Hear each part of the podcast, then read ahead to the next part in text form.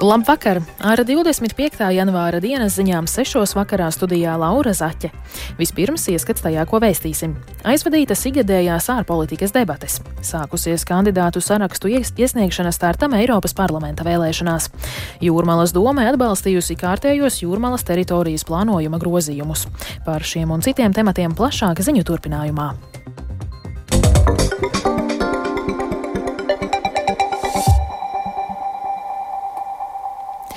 Saimā šodien norisinājās igadējās ārpolitikas debates. Tajās saimas deputāti un diplomāti uzklausīja jaunās vienotības politiķa ārlietu ministra Krišjāņa Kariņa uzrunu. Ministra un arī citu debašu dalībnieku uzmanības centrā arī šogad bija karš Ukrainā. Kariņš savā pirmajā, aptuveni stundu garajā uzrunā par ārpolitikas stāvokli uzsvēra, ka Latvijas ārpolitikas lielie mērķi cita starpā ir panākt stingrāku un efektīvāku sankciju politiku pret Krieviju par tās izraisīto kāru Ukrainā. Viņš aicināja pretoties Krievijas izplatītajai ļaunajai propagandai par Latviju un uzsvēra, ka Ukrainai ar sabiedroto atbalstu ir paspēkam uzvarēt karā. Mēs neesam ne tādā veidā sašķelti, ne tādā veidā nespēcīgi, kā mums cenšas iesāstīt. Mēs, Latvija, stāvam kopā ar mūsu rietumu sabiedrotiem, un mums ir vēl darbi, protams, darāmi bet tas absolūti ir mūsu spēkos palīdzēt Ukrainai uzvarēt šajā karā, un Ukraina var šajā karā uzvarēt. Viņai nepieciešams mūsu nedalītais atbalsts, bet tas ir iespējams. Ārlietu komisijas priekšsēdētājs Rihards Kols no Nacionālās apvienības atgādināja par demokrātijas apdraudējumu globālā līmenī. Viņš norādīja, ka Krievijas izraisītais karš Ukrainā ir civilizāciju sadursme un iespēja autoritāriem režīmiem sadarboties. Turpina Kols. Mums ir jāierobežo, jāiegrožo un jāaptur esošie un potenciālie nākamie agresori. Eiropā notikusi paradigmas maiņa. Vairākumam ir skaidrs, ka ne īstermiņā, ne vidējā termiņā pie sadarbības ar Krieviju atgriezties nevarēs. Arī ja Kremlī vairs nebūs Putina. Bet joprojām starp sabiedrotajiem vai iekšpolitiski uzplaiksnīja domstarpības. Valdību vadītājos, politiķos šur tur jaušam noguruma pazīmes. Jaunas krīzes un konflikti periodiski izstumj Ukrainu no dienas kārtības augšgala.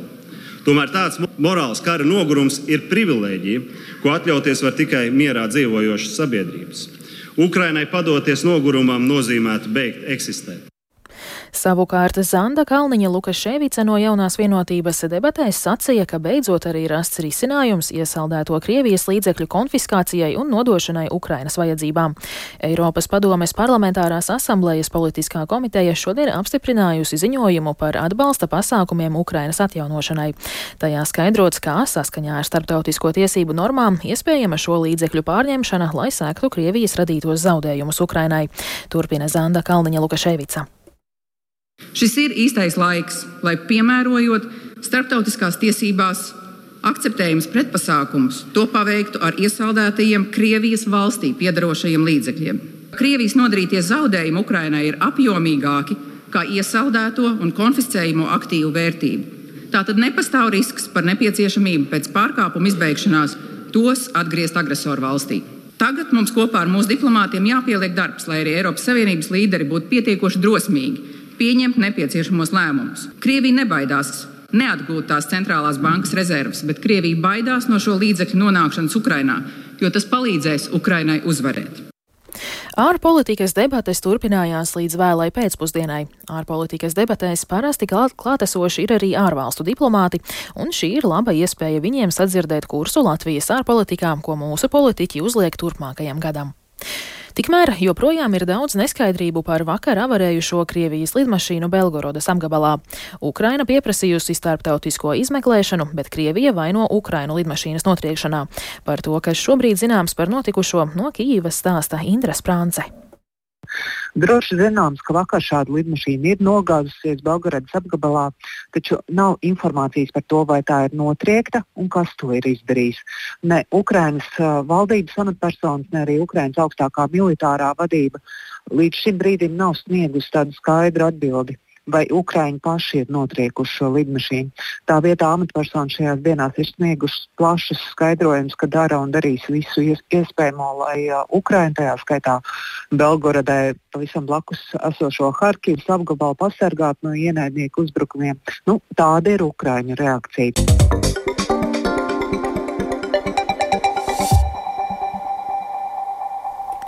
Pašmājās Centrālā vēlēšanu komisija sākusi politisko spēku iesniegto kandidātu sarakstu pieņemšanu startam Eiropas parlamenta vēlēšanās.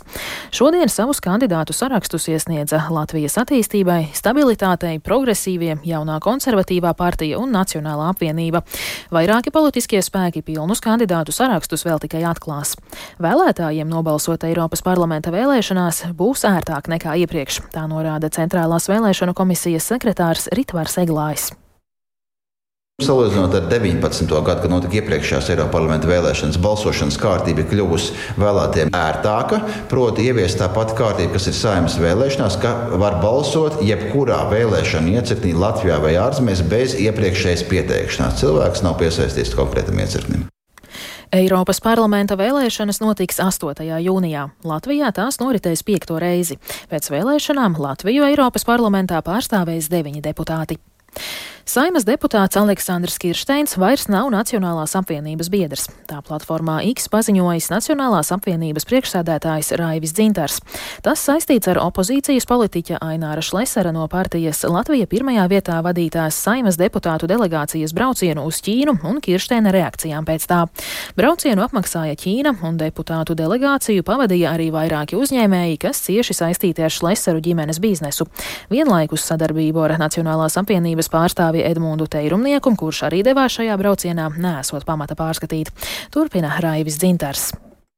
Sadarbības grūtības ar uh, Kirstēnu kungu mums uh, viens partijas ietvaros ir bijušas ilgstošas. Protams, šobrīd tā situācija ar publiski izteiktiem draudiem Latvijas televīzijā partijas biedram. Ja. Faktiski Šlesers delegācijas vadībā ar uh, Ķīnas puses apmaksātā braucienā dodoties, neinformējot tātad ne par to partiju, nesaņemot sājumas deleģējumu.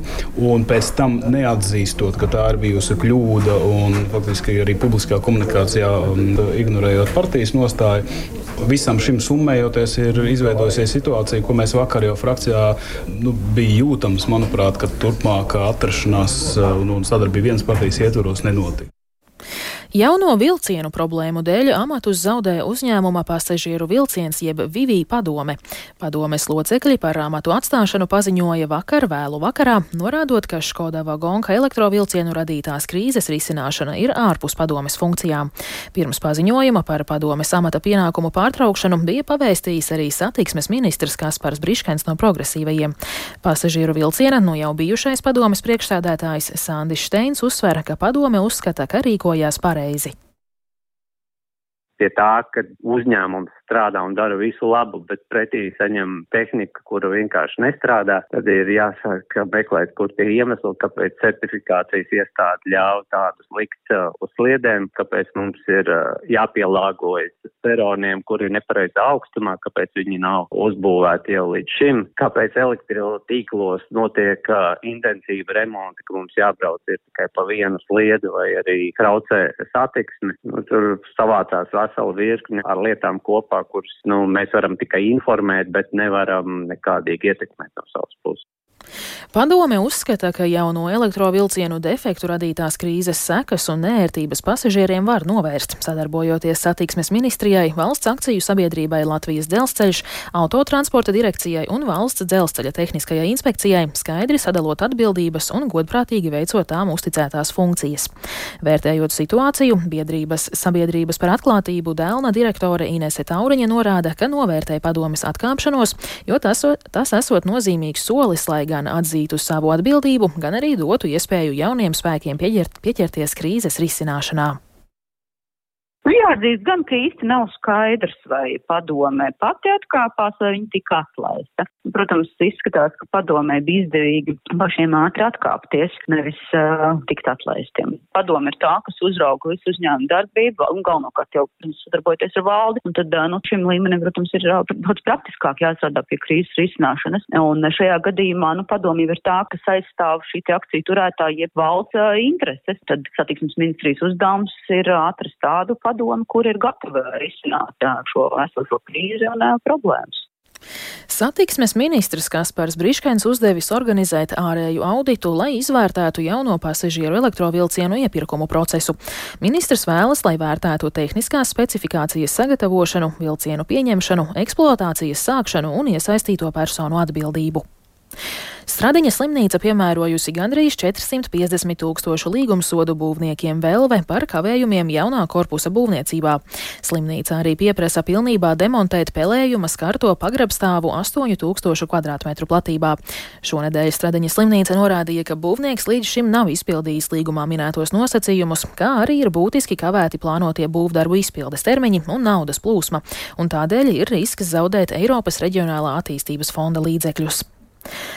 Neņemot vērā iedzīvotāju iebildes, Jūrmalas doma atbalstījusi kārtējos Jūrmalas teritorijas plānojuma grozījumus. Ar tiem turpmāk būs atļauta apbūve pašvaldībai piederošās teritorijās, kas ietver arī meža platības. Domē norāda, ka šāds lēmums bijis nepieciešams saskaņā ar Jūrmalas attīstības stratēģijā ietverto iedzīvotāju skaita palielināšanu. Jūrmalas aizsardzības biedrība iebilst pašvaldības plāniem, jo iztirgošanai izsolēs nonāks Jūrmalas vēsturiskā vide un ainava. Turpina Sinti Jambote. Jūrmālas aizsardzības biedrība norāda, ka ilgstoši ignorēta iedzīvotāja iebildumi un biedrība lēš, ka šodien domē apstiprinātie grozījumi pieļauj ap 150 tūkstošu kvadrātmetru dabas teritoriju apbūvi, kas tiks pārdotas izsolēs. Tie ir zemes gabali lielupē, buldros un pumpuros, un biedrības ieskatā pat laban vietvarē nav objektīva pamatojuma šo vietu apbūvē, bet vienlaikus tiek zaudētas meža platības pilsētā. Jūrmālas ielās sastaptie iedzīvotāji atzīst, ka ir žēl zaudēt arī nelielas zaļas teritorijas līdzās šobrīd jau apbūvētiem rajoniem dzīvniekiem, jo cilvēki tās izmanto pastaigām un pat reizēm sēņo šajās mazajās meža platībās pilsētas vidū. Pēc likuma jūrmalas teritorijas plānojuma grozījums jāizskata arī vidas aizsardzības un reģionālās attīstības ministrijai, pie kuras arī jūrmalas aizsardzības biedrība vērsīsies ar sūdzību.